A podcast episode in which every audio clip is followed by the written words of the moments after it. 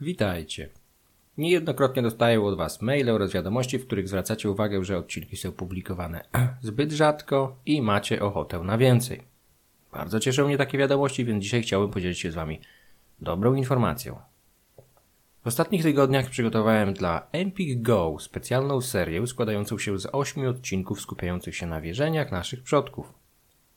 Będę w nich opowiadał głównie o polskich diabłach, smokach i czarownicach, ale znajdzie się tam też trochę miejsca dla innych postaci tak popularnych w słowiańskim folklorze, o których nie mówiłem jeszcze w moim podcaście. Wszystkie materiały, jakie znajdziecie w słowiańskich demonach na Empik Go są więc nowe bądź stanowią bardzo obszerne rozwinięcie treści podejmowanych przeze mnie w podcaście. Z okazji premiery podcastu mam dla Was specjalny kod, który daje Wam 30 dni darmowego słuchania i czytania w aplikacji Empik Go.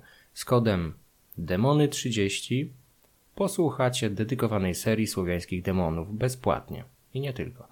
Pierwsze dwa odcinki już dzisiaj w aplikacji, kolejne będą ukazywać się w każdy poniedziałek do 7 czerwca.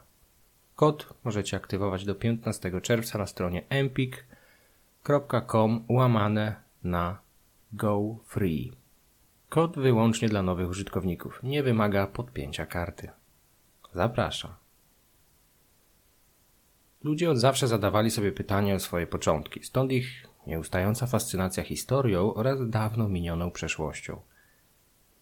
Niektórzy sięgają jeszcze dalej, starając się zgłębić tajemnicę powstania świata. Ludy słowiańskie nie były inne od pozostałych i także starały się jakoś wytłumaczyć sobie genezę człowieka oraz szerzej całego kosmosu. Na pewno spotkaliście się z mitami kosmogonicznymi bądź antropogonicznymi, czyli odnoszącymi się kolejno do stworzenia świata i człowieka, poznając inne mitologie, najczęściej grecką oraz nordycką. O ile w tamtych mamy zachowane liczne, niejednokrotnie konkurujące ze sobą historie, o tyle ze Słowianami, jak już wiemy, nic nie jest takie proste. Dzisiaj postaram się nieco przybliżyć zachowane relacje, które poprowadzą nas w kierunku dawnych mitów o narodzinach świata i ludzi. W międzyczasie zapraszam do oceniania podcastu na Apple Podcasts, komentowania na YouTube oraz wspierania mojej inicjatywy na Patronite. Link w opisie. Przede wszystkim serdecznie dziękuję wszystkim patronom. Bardzo doceniam fakt, że chcecie inwestować w rozwój tego kanału. Mit kosmogoniczny jest podstawą każdego systemu wierzeń. Nie można traktować go jedynie w charakterze naiwnej próby wytłumaczenia powstania świata. Jest to pełna symboliki opowieść odpowiadająca na garść ważkich pytań. Między innymi, kto stworzył świat i w jakim celu? Wszystkie gesty i czynności podjęte przez Stwórcę bądź Stwórców nabierają znaczenia, które będzie im towarzyszyło aż do zagłady świata. Najprostszym przykładem obrazującym tę zależność jest odpoczynek Jahwe siódmego dnia po trudach stworzenia, który stał się obowiązującym zwyczajem wśród jego późniejszych wyznawców. U Słowian brak jest mitu kosmogonicznego przekazanego dosłownie, przez nich samych lub ich kronikarzy. Wśród licznych fragmentów, jakie poświęcali im oraz ich wierzeniom przeróżni średniowieczni skrybowie, nie zachowała się ani jedna wzmianka opowiadająca o stworzeniu świata – i zaledwie jedna mówiąca o stworzeniu człowieka, którą zachowała powieść minionych lat Nestora. Przytoczę ją później. W jaki sposób możemy więc rekonstruować mity kosmogoniczne naszych przodków? Wbrew pozorom nie jest to sytuacja kompletnie beznadziejna. Jak już wspomniałem, opowieść tego kalibru nie jest zwykłą legendą, jest czymś tak istotnym, że nie może zniknąć bez śladu z dnia na dzień. Andrzej Szyjewski zauważył, że wszystkie wytwory danej kultury są produktami pewnych kategorii myślenia, które określa się fachowo strukturami umysłu. Nawet jeżeli treść ulega utraceniu, to sposoby jej tworzenia zachowują się w innych przekazach, legendach lub relacjach, tworzonych i przekazywanych dalej, czasem nieświadomie. Dlatego w każdej interesującej nas kulturze ciągle będą powstawały nowe mity zawierające elementy starego światopoglądu, często sprzecznego z aktualnie obowiązującym. Francuski historyk Fernand Broidel wykuł kiedyś termin długiego trwania w historii, pod którym rozumiał perspektywę czasową, w której dokonują się wszystkie przemiany religijne i cywilizacyjne. W koncepcji Francuza bitwy lub wydarzenia polityczne, o jakich najczęściej słyszymy bądź uczymy się na lekcjach historii, są w rzeczywistości najmniej istotną, najpłytszą warstwą historii, przynoszącą najczęściej krótkotrwałe zmiany, o ile jakiekolwiek. Na niższym poziomie znajdują się procesy gospodarcze, penetrujące społeczeństwa wolniej, lecz oddziałujące na nie z większym wpływem. Najbardziej donośne są przemiany religijne i cywilizacyjne, które z kolei zachodzą najwolniej. Dla interesujących nas Słowian dowodów na powolność takich zmian i nadzieję na zachowanie elementów dawnej, przedchrześcijańskiej świadomości przynoszą badania etnograficzne prowadzone głównie w XIX i początku XX stulecia. Podczas prowadzenia tychże badań antropologowie i etnografowie niejednokrotnie napotykali na schematy myślowe wyraźnie obce obowiązującemu od setek lat chrześcijaństwu. Często interpretowano je jako charakterystyczne dla wcześniejszych systemów wierzeń, także pogańskich. Najlepszymi przykładami są liczne tradycje związane z życiem pozagrobowym w postaci upiorów, występowanie duchów opiekuńczych, czy choćby tradycje takie jak wielkanocna święcontka i spożywanie jej wiosną na grobach zmarłych. Jednym z takich charakterystycznych mitów, nie mających oparcia w tradycji chrześcijańskiej, a spotykanych powszechnie wśród Słowian oraz licznych ludów euroazjatyckich, jest. Tak mit wyłowienia, bądź mit pierwotnego nurkowania. Historia o współpracy dwóch, często przeciwstawnych sobie sił, podczas stworzenia świata powtarza się uporczywie w ludowym folklorze. Ryszard Tomicki szczegółowo badał występowanie tej legendy kosmogonicznej w polskim folklorze, odnajdując łącznie 102 różne wersje mitu wyłowienia. Jedną z takich legend zebranych przez autora przytoczę teraz. Zanim stworzono świat, nie było kompletnie nic poza niebem i bezkresnym morzem. Bóg pływał po nim w swojej małej łódce. Pewnego razu natknął się na kłębiącą się na powierzchni akwenu pianę, w której mieszkał nieznany mu osobnik. Bóg zaczął wypytywać nieznajomego, kim jest. Ten zaś odparł, że powie, jeżeli Bóg weźmie go do swojej łódki. Już na jej pokładzie dziwny jegomość przyznał się, że jest diabłem. Płynęli tak razem w milczeniu jakiś czas, aż w końcu diabeł stwierdził, że dobrze byłoby znaleźć jakieś miejsce, na którym mogliby stanąć na swoich nogach. Bóg odpowiedział, że można to zrobić, ale diabeł musi przynieść mu choćby garść ziemi z dna morza. Biorąc tę garść, powinien powiedzieć, że robi to w imieniu Boga. Diabeł prędko zanurkował, wziął garść mu w swoje pazury, mówiąc, że bierze ją w imieniu swoim. Następnie ruszył na powierzchnię, ale tuż po wypłynięciu cała ziemia wysypała się z jego łapy z powrotem do morza. Diabeł powtórzył operację z podobnie kiepskim skutkiem. W końcu za trzecim razem wziął ziemię z dna, mówiąc, że robi to w imieniu Boga. I tym razem po wypłynięciu na powierzchnię Pomiędzy palcami zostało mu nieco piasku. Bóg wziął tę odrobinę od niego, posypał nad wodą i w ten sposób powstał zalążek ziemi, na którym mogli już stać, a nawet się położyć. Bóg położył się po stronie wschodniej, diabeł zaś zachodniej. Gdy diabłu wydawało się, że stwórca zasnął, postanowił zdradziecko wepchnąć go do morza, aby tam utonął.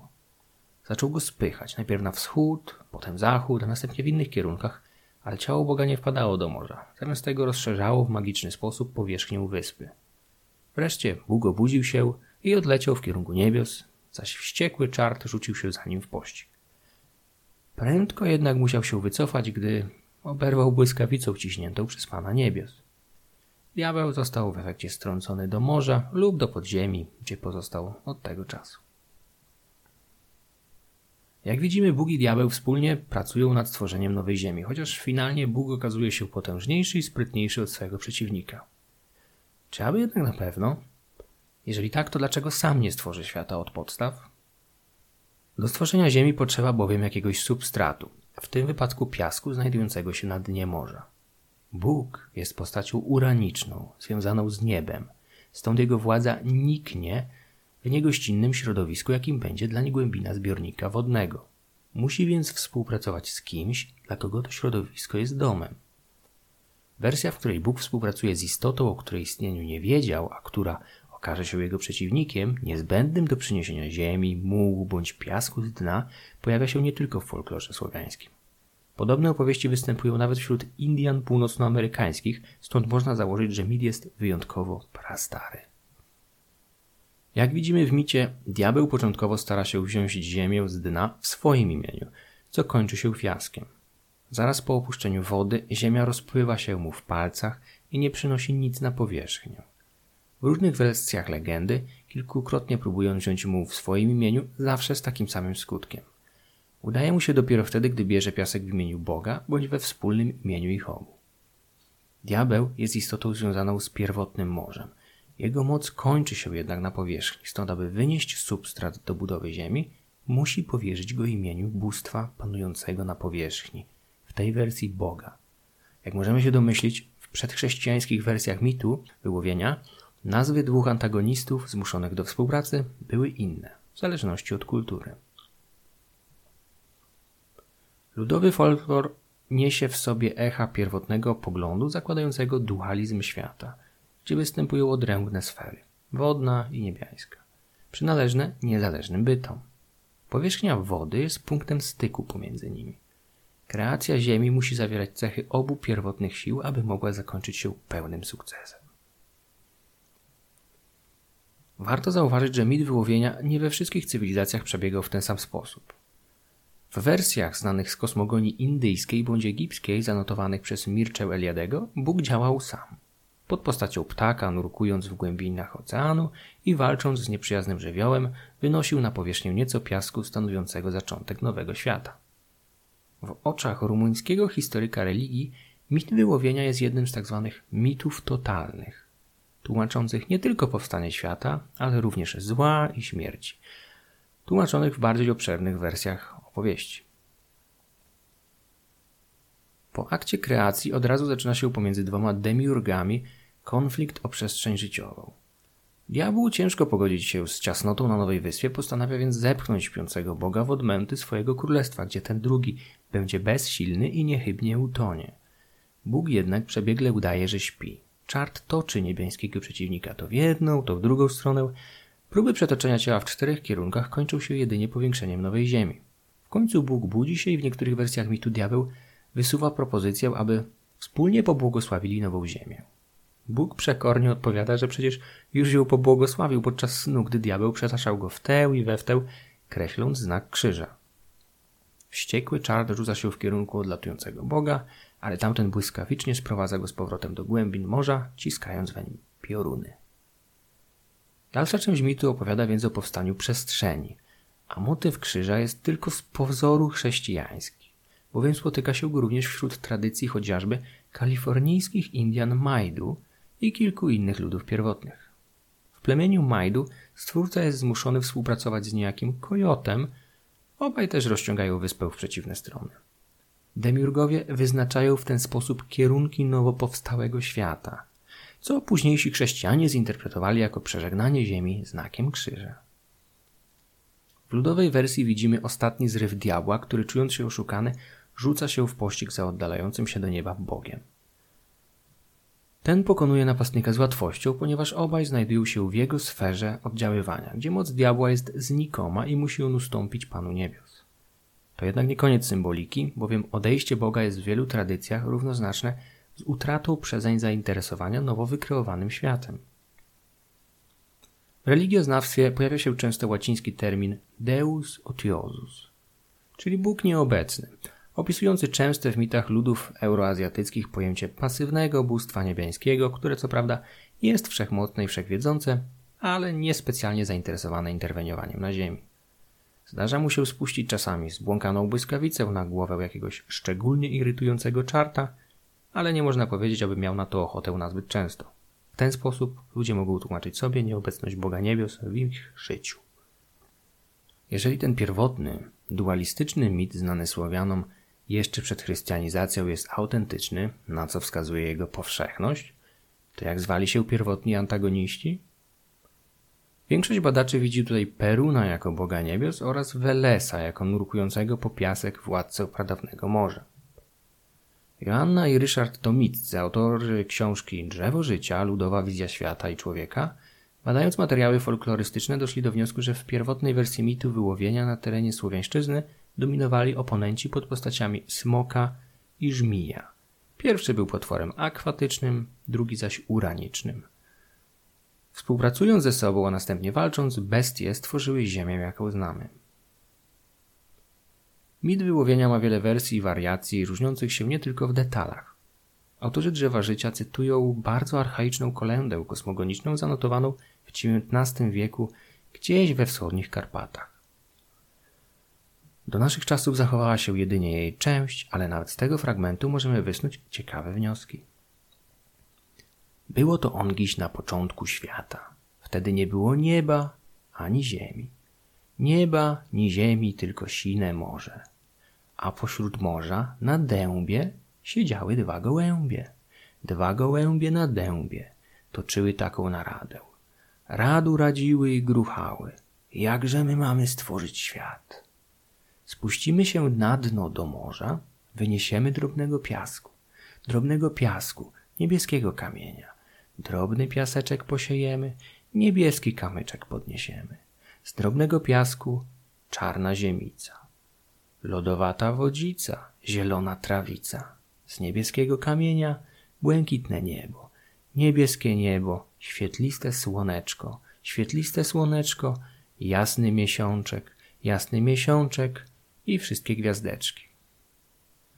W tym utworze mamy do czynienia z pozostałościami archaicznego mitu kosmogonicznego, w którym nie ma Boga ani diabła. Rolę demiurgów przejmują dwa ptaki tworzące nie tylko Ziemię, ale również ciała niebieskie, w tym księżyc pod nazwą Miesiączek. Podobne opowieści zanotowano wśród plemion syberyjskich, szczególnie w okolicach rzeki. Ony, gdzie rodzima ludność od pokoleń przekazywała sobie mit wyłowienia, w którym najgłównymi aktorami były dwa ptaki z gatunku nurów. Ciekawym elementem cytowanej kolendy jest istnienie pierwotnego drzewa dębu, będącego tutaj symbolem starodawnego drzewa kosmicznego, archaicznego symbolu wszechświata, łączącego w wierzeniach Słowian podziemia, powierzchnię i niebiosa poprzez swoje korzenie, pień i koronę.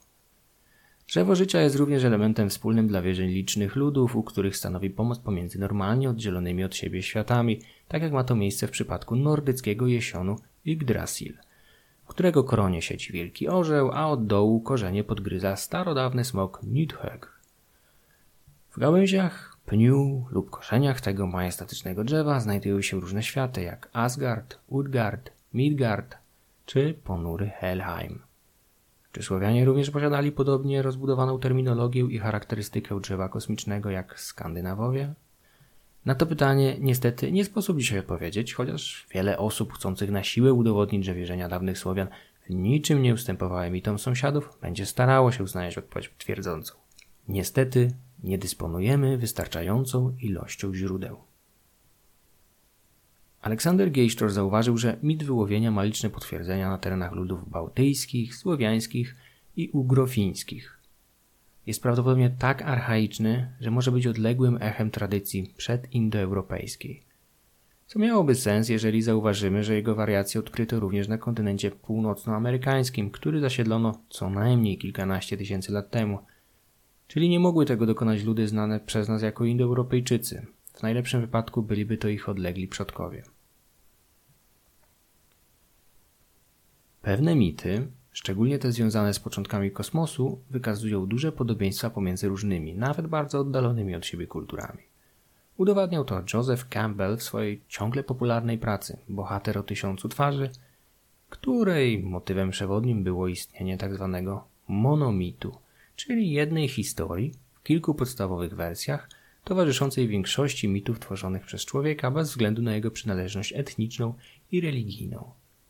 Amerykański mitograf wyszukał w ciągu swojej pracy badawczej mnóstwo podobieństw pomiędzy mitologią Skandynawów, Hindusów, Greków czy nowozelandzkich Maorysów. Dualistyczny charakter kreacji ma także najlepiej zachowany mit o stworzeniu człowieka, jaki przekazuje nam staroruska powieść minionych lat, gdzie pod rokiem 1071 czytamy o spotkaniu Jana Wyszatycza, wojewody kniazia Światosława z lokalnymi czarodziejami – prawdopodobnie jednymi z ostatnich przedstawicieli ginącej wówczas profesji wołchwa, czy też czarodzieja, jak chcieli chrześcijańscy kronikarze. Owi czarnoksiężnicy robili tyle zamieszania wśród ludu, że wojewoda Jan udał się na spotkanie z nimi, mając na celu pacyfikację tego awanturniczego elementu. Zanim pozbawił ich życia, odbył z nimi rozmowę, aby wybrać kim są i w co wierzą. W trakcie pogawędki wyznali oni. My wiemy, jak jest człowiek stworzony. On zaś rzekł, jak? Oni zaś rzekli. Bóg mył się w łaźni i spocił się. Otarł się wiechciem i wyrzucił z niebios na ziemię. I spierał się szatan z Bogiem, komu z wiechcia stworzyć człowieka. I stworzył diabeł człowieka, a Bóg duszę w niego włożył. Dlatego jeśli umrze człowiek, w ziemię idzie jego ciało, a dusza do Boga. Można by pomyśleć, że powyższa legenda jest jedynie wymysłem kronikarskim i próbą dyskredytacji dawnych wierzeń. Ale mamy poważne powody uważać, że było inaczej, a treść podania jest autentyczna. Otóż jeszcze w XIII wieku, a więc 200 lat później, na Rusi istniał zwyczaj wytarcia noworodka po jego pierwszej w życiu kąpieli wiechciem słomy, normalnie używanym do czyszczenia pieca. Tak jak w micie. W folklorze zachowało się więcej legend o współdziałaniu Boga i diabła podczas stworzenia człowieka. Pochodzą one jednak z relacji znacznie późniejszych od tej z powieści minionych lat, stąd nie mają takiej jak ona wartości. W jednej wersji Bóg stworzył człowieka z gliny i zostawił na słońcu, aby dojrzał, ale w międzyczasie zajął się nim diabeł i obsmarował go różnymi nieczystościami śliną, kałem bądź jakimiś resztkami. Bóg po powrocie musiał więc przerobić ludzkie figurki i wywrócić je na drugą stronę, w efekcie czego ślina, kał czy inne paskudztwa znajdują się od tego czasu wewnątrz ludzkiego organizmu. Na zakończenie dodam, że istnieją mocne przesłanki sugerujące istnienie wśród Słowian mitu kosmogonicznego związanego z kosmicznym jajem, ale jest to na tyle szeroki temat, że postaram się poświęcić mu oddzielny odcinek. Przygotowaniu odcinka szczególnie pomocne były następujące książki. Drzewo życia, ludowa wizja świata i człowieka. Joanna i Ryszard Tomiccy. Mitologia Słowian. Aleksander Giejsztor. Religia Słowian. Andrzej Szyjewski. Słowiańskie zaświaty. Wierzenia, wizje i mity. Paweł Szczepanik. W audycji wykorzystano fragmenty powieści minionych lat Nestora.